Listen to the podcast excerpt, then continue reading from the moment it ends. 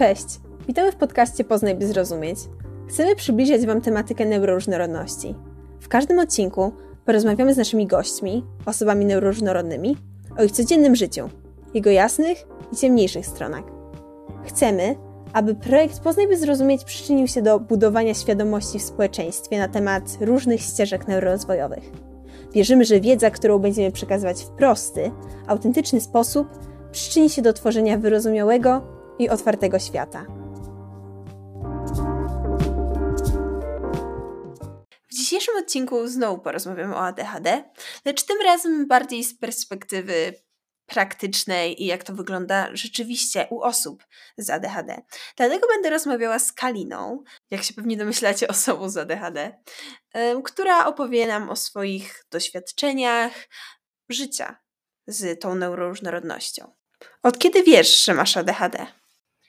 Yy, ogólnie zdiagnozowali mi e, ADHD chyba dwa lata temu jakieś i wcześniej ba, przez bardzo długi czas się jakby borykałam z tym problemem nie no sama. I przez to, że u chłopców dominują e, aspekty nadpobudliwości ruchowej, to dziewczyny bardzo często mm, mm, rzadziej są diagnozowane szybko, w sensie dużo, dużo, mm, dużo później są diagnozowane, ponieważ yy, na przykład właśnie w moim przypadku było tak samo, że na początku występowały praktycznie same objawy yy, zaburzeń koncentracji, yy, uwagi i, i właśnie takie, takie, można powiedzieć, w środku mnie. Y, a te, które widać tak, tak bardziej z zewnątrz, y, zaczęły właśnie się objawiać przez to, że ono nie było w żaden sposób ani terapeutyzowane, ani leczone i zaczęły się właśnie też pojawiać potem te, y, które, które właśnie łatwiej jest dostrzec i przez to się właśnie zgłosiłam.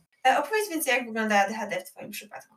Właśnie ja też przez długi czas w ogóle nie, nie miałam pojęcia, że to jest to, ale wiedziałam zawsze, że coś jest nie tak, że, że właśnie mam bardzo duży, duży, dużo większy problem e, z koncentracją, e, na przykład właśnie e, przy, w przypadku pisania sprawdzianów w szkole to się objawiało, albo nie umiałam w ogóle utrzymać uwagi na, na lekcji. Bardzo często odlatywałam w ogóle głową w jakieś różne dziwne zakątki umysłu, że, że, że patrzyłam się przez okno, myślałam o jakichś dziwnych rzeczach, zamiast się, zamiast po prostu i to też było tak, że y, ja niechcący to robiłam, bo ja bardzo często próbowałam właśnie się skupić, a przez, przez to, że y, no tak działa mój mózg, to, to, to szybko właśnie traciłam to, y, to, to, to właśnie tą, tą, tą uwagę. Też, też jedyne z czym jakbym w jakiś sposób przeszkadzałam, tak jak właśnie, nie wiem, chłopcy często, y, mnie mówię, że zawsze, ale właśnie częściej. Jednak jest tak, że właśnie chłopcy, u chłopców ADHD jest takie bardziej ruchliwe, że, że nie wiem, nie mogą w ogóle siedzieć na krześle, gadają, y, przeszkadzają, czy są niegrzeczni, y, to u mnie to na przykład było jedyny sposób, w jaki przeszkadzałam, to śpiewałam na lekcji, w sensie nuciłam sobie jakieś piosenki i po prostu mnie na przykład nauczycielka uciszała, bo ja po prostu niechcący to robiłam, tak mi w głowie po prostu zaczyna lecieć muzyka i nieświadomie zaczynam ją nucić, a potem po, po jakimś pięciu minutach dosłownie znowu to samo i, i nie umiałam tego za bardzo kontrolować. Czyli zauważysz swoje, e, swoje ADHD właśnie w szkole, a czy są jeszcze jakieś inne sfery życia, w których zauważysz? Tak, y, właśnie na przykład y, trudno mi jest zaplanować w ogóle dzień. Y, bar, bardzo właśnie mam też często tak dużo myśli w głowie, że moje wypowiedzi są nieskładne i nawet słychać często, że, że po prostu przez to, że tak dużo chcę naraz powiedzieć, to, to mi zaburza po prostu cało, cały wywód tego, co, co, co, co mam na myśli.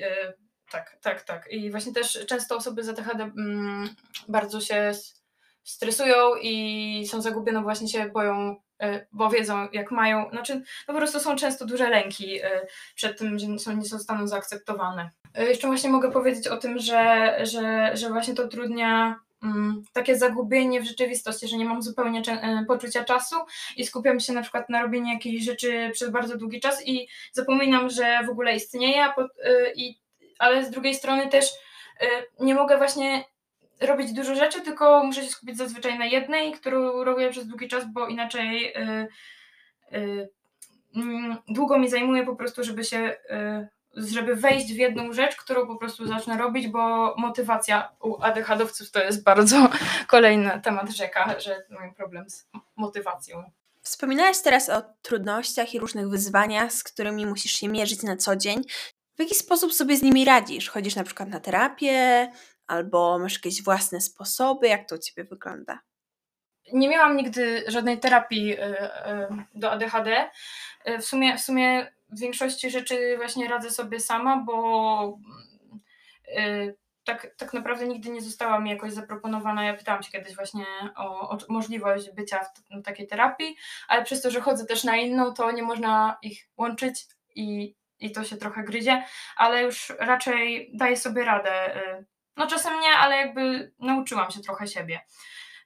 I jeśli chodzi jeszcze o inny sposób leczenia, to mia, mia, brałam kiedyś e, leki na ADHD, które ogólnie bardzo mi pomogły z jednej strony, ale e, odradzam je osobom, które mają e, problemy na przykład z nadużywaniem. Miałam taki problem trochę, że, że przez to, że tak dobrze działały, to, to, to cały czas chciałam je brać i nie wiedziałam o tym, że one mają możliwość uzależnienia, bo właśnie leki na ADHD niestety y, właśnie mają y, ten minus, że jest się, w jest się w stanie uzależnić od nich, więc bardzo to trzeba kontrolować i przede wszystkim trzeba wiedzieć o tym, bo ja, ja, ja o tym zupełnie nie wiedziałam, moja y, właśnie pani psychiatra mi o tym nie powiedziała, kiedy, kiedy mnie przepisała, moim rodzicom również, więc ja tak moi rodzice tak naprawdę właśnie dali mi je wtedy, no ja wtedy miałam chyba nieskończone 17 lat. Y, dali mi je wtedy y, po prostu, żebym sobie brała,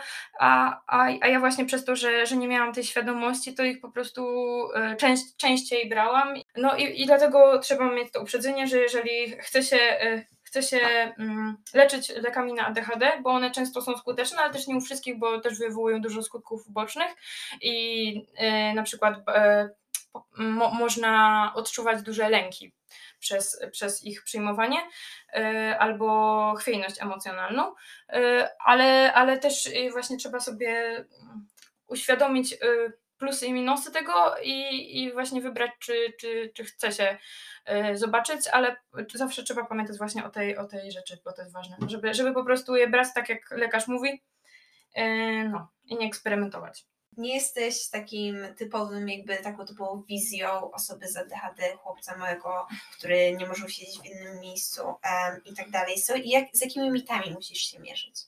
No właśnie, że jest, że mm, jest się niegrzecznym, bo jeszcze wcześniej, jak nie miałam właśnie takich widocznych objawów Mm, no to nikt tego nie widział, więc, więc właśnie, e, właśnie przez te szkodliwe mity tak, mity tak naprawdę nie zostałam w żaden sposób y, to zauważone, bo to, że mam, miałam gorsze oceny, bo nie zdążałam na przykład y, zrobić sprawdzianu i, i to też właśnie dysleksja może, mogła mieć na to wpływ, która też nie została u mnie stwierdzona, tylko po prostu, że się, mm, nie wiem, po prostu się nie nauczyłam czy coś, a to, to, nie była prawda, po prostu bardzo dużo trudności mi sprawiało nawet jak ktoś przekręcał kartkę albo chrząkał czy coś w tym stylu, to po prostu ja od razu e, nie, nie umiałam się e, skoncentrować, no i właśnie to jest ten mit, że właśnie nie, nie zostało u mnie e, to wcześniej wykryte. E, co jeszcze?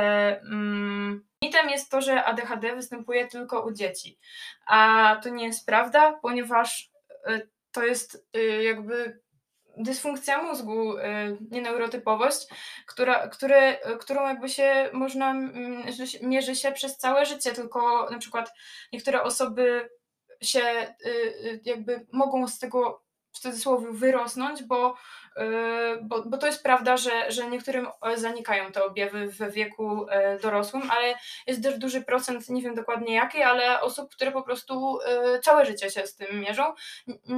No i, no i tak, to, to, to jest bardzo szkodliwe. Niestety u mnie to właśnie, jak widać, y, jest nadal nawet y, bardziej widoczne. Jestem starsza. Mówisz, że twoje objawy, powiedzmy, e, się nasiliły i że są bardziej widoczne. To znaczy, że w szkole prawdopodobnie też są widoczne. Czy dostajesz mm, w cudzysłowie taryfę ulgową mm, albo wsparcie, jakiś rodzaj, rodzaj wsparcia od na przykład wychowawcy czy innych uczniów?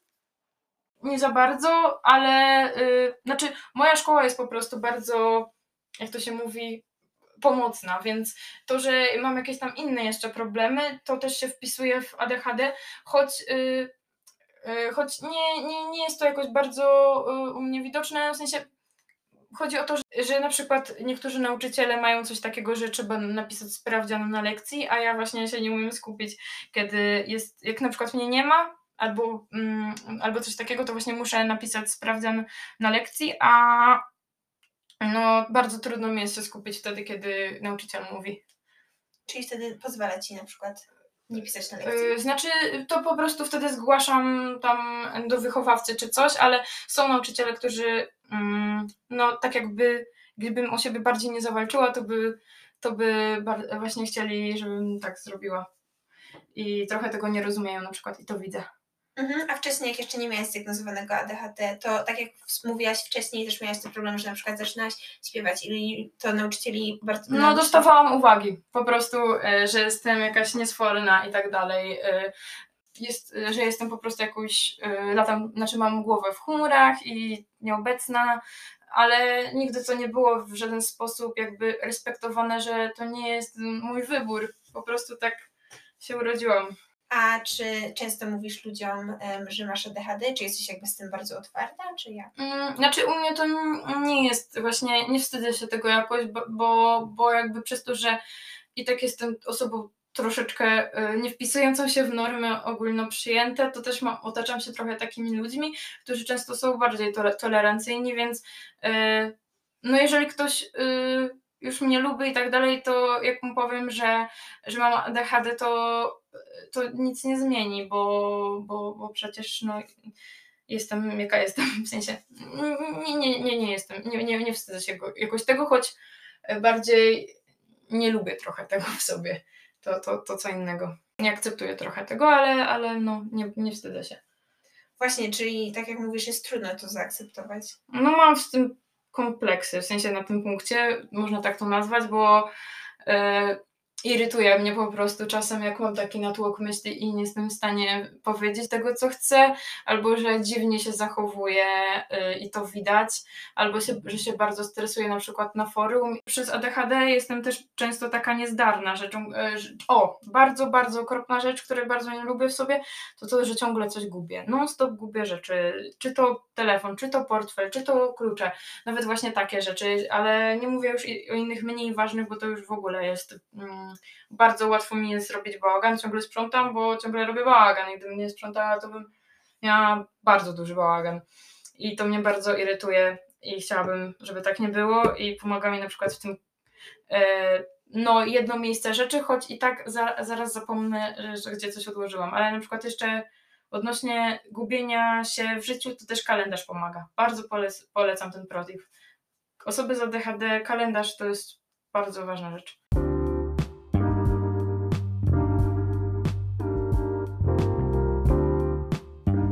Kalino, bardzo dziękuję Ci za to, że opowiedziałaś nam o swoich doświadczeniach, przeżyciach i przemyśleniach. A pozostałych z Was zapraszam do posłuchania naszego poprzedniego odcinka, w którym Marta wypowiadała się na temat ADHD z perspektywy specjalisty. Znajdziecie tam ogromną porcję wartościowej i oczywiście interesującej wiedzy na temat tej neuroróżnorodności. Zachęcam Was również do posłuchania innych odcinków naszego podcastu i oczekiwania następnych, które będą publikowane już w najbliższej przyszłości. Do usłyszenia!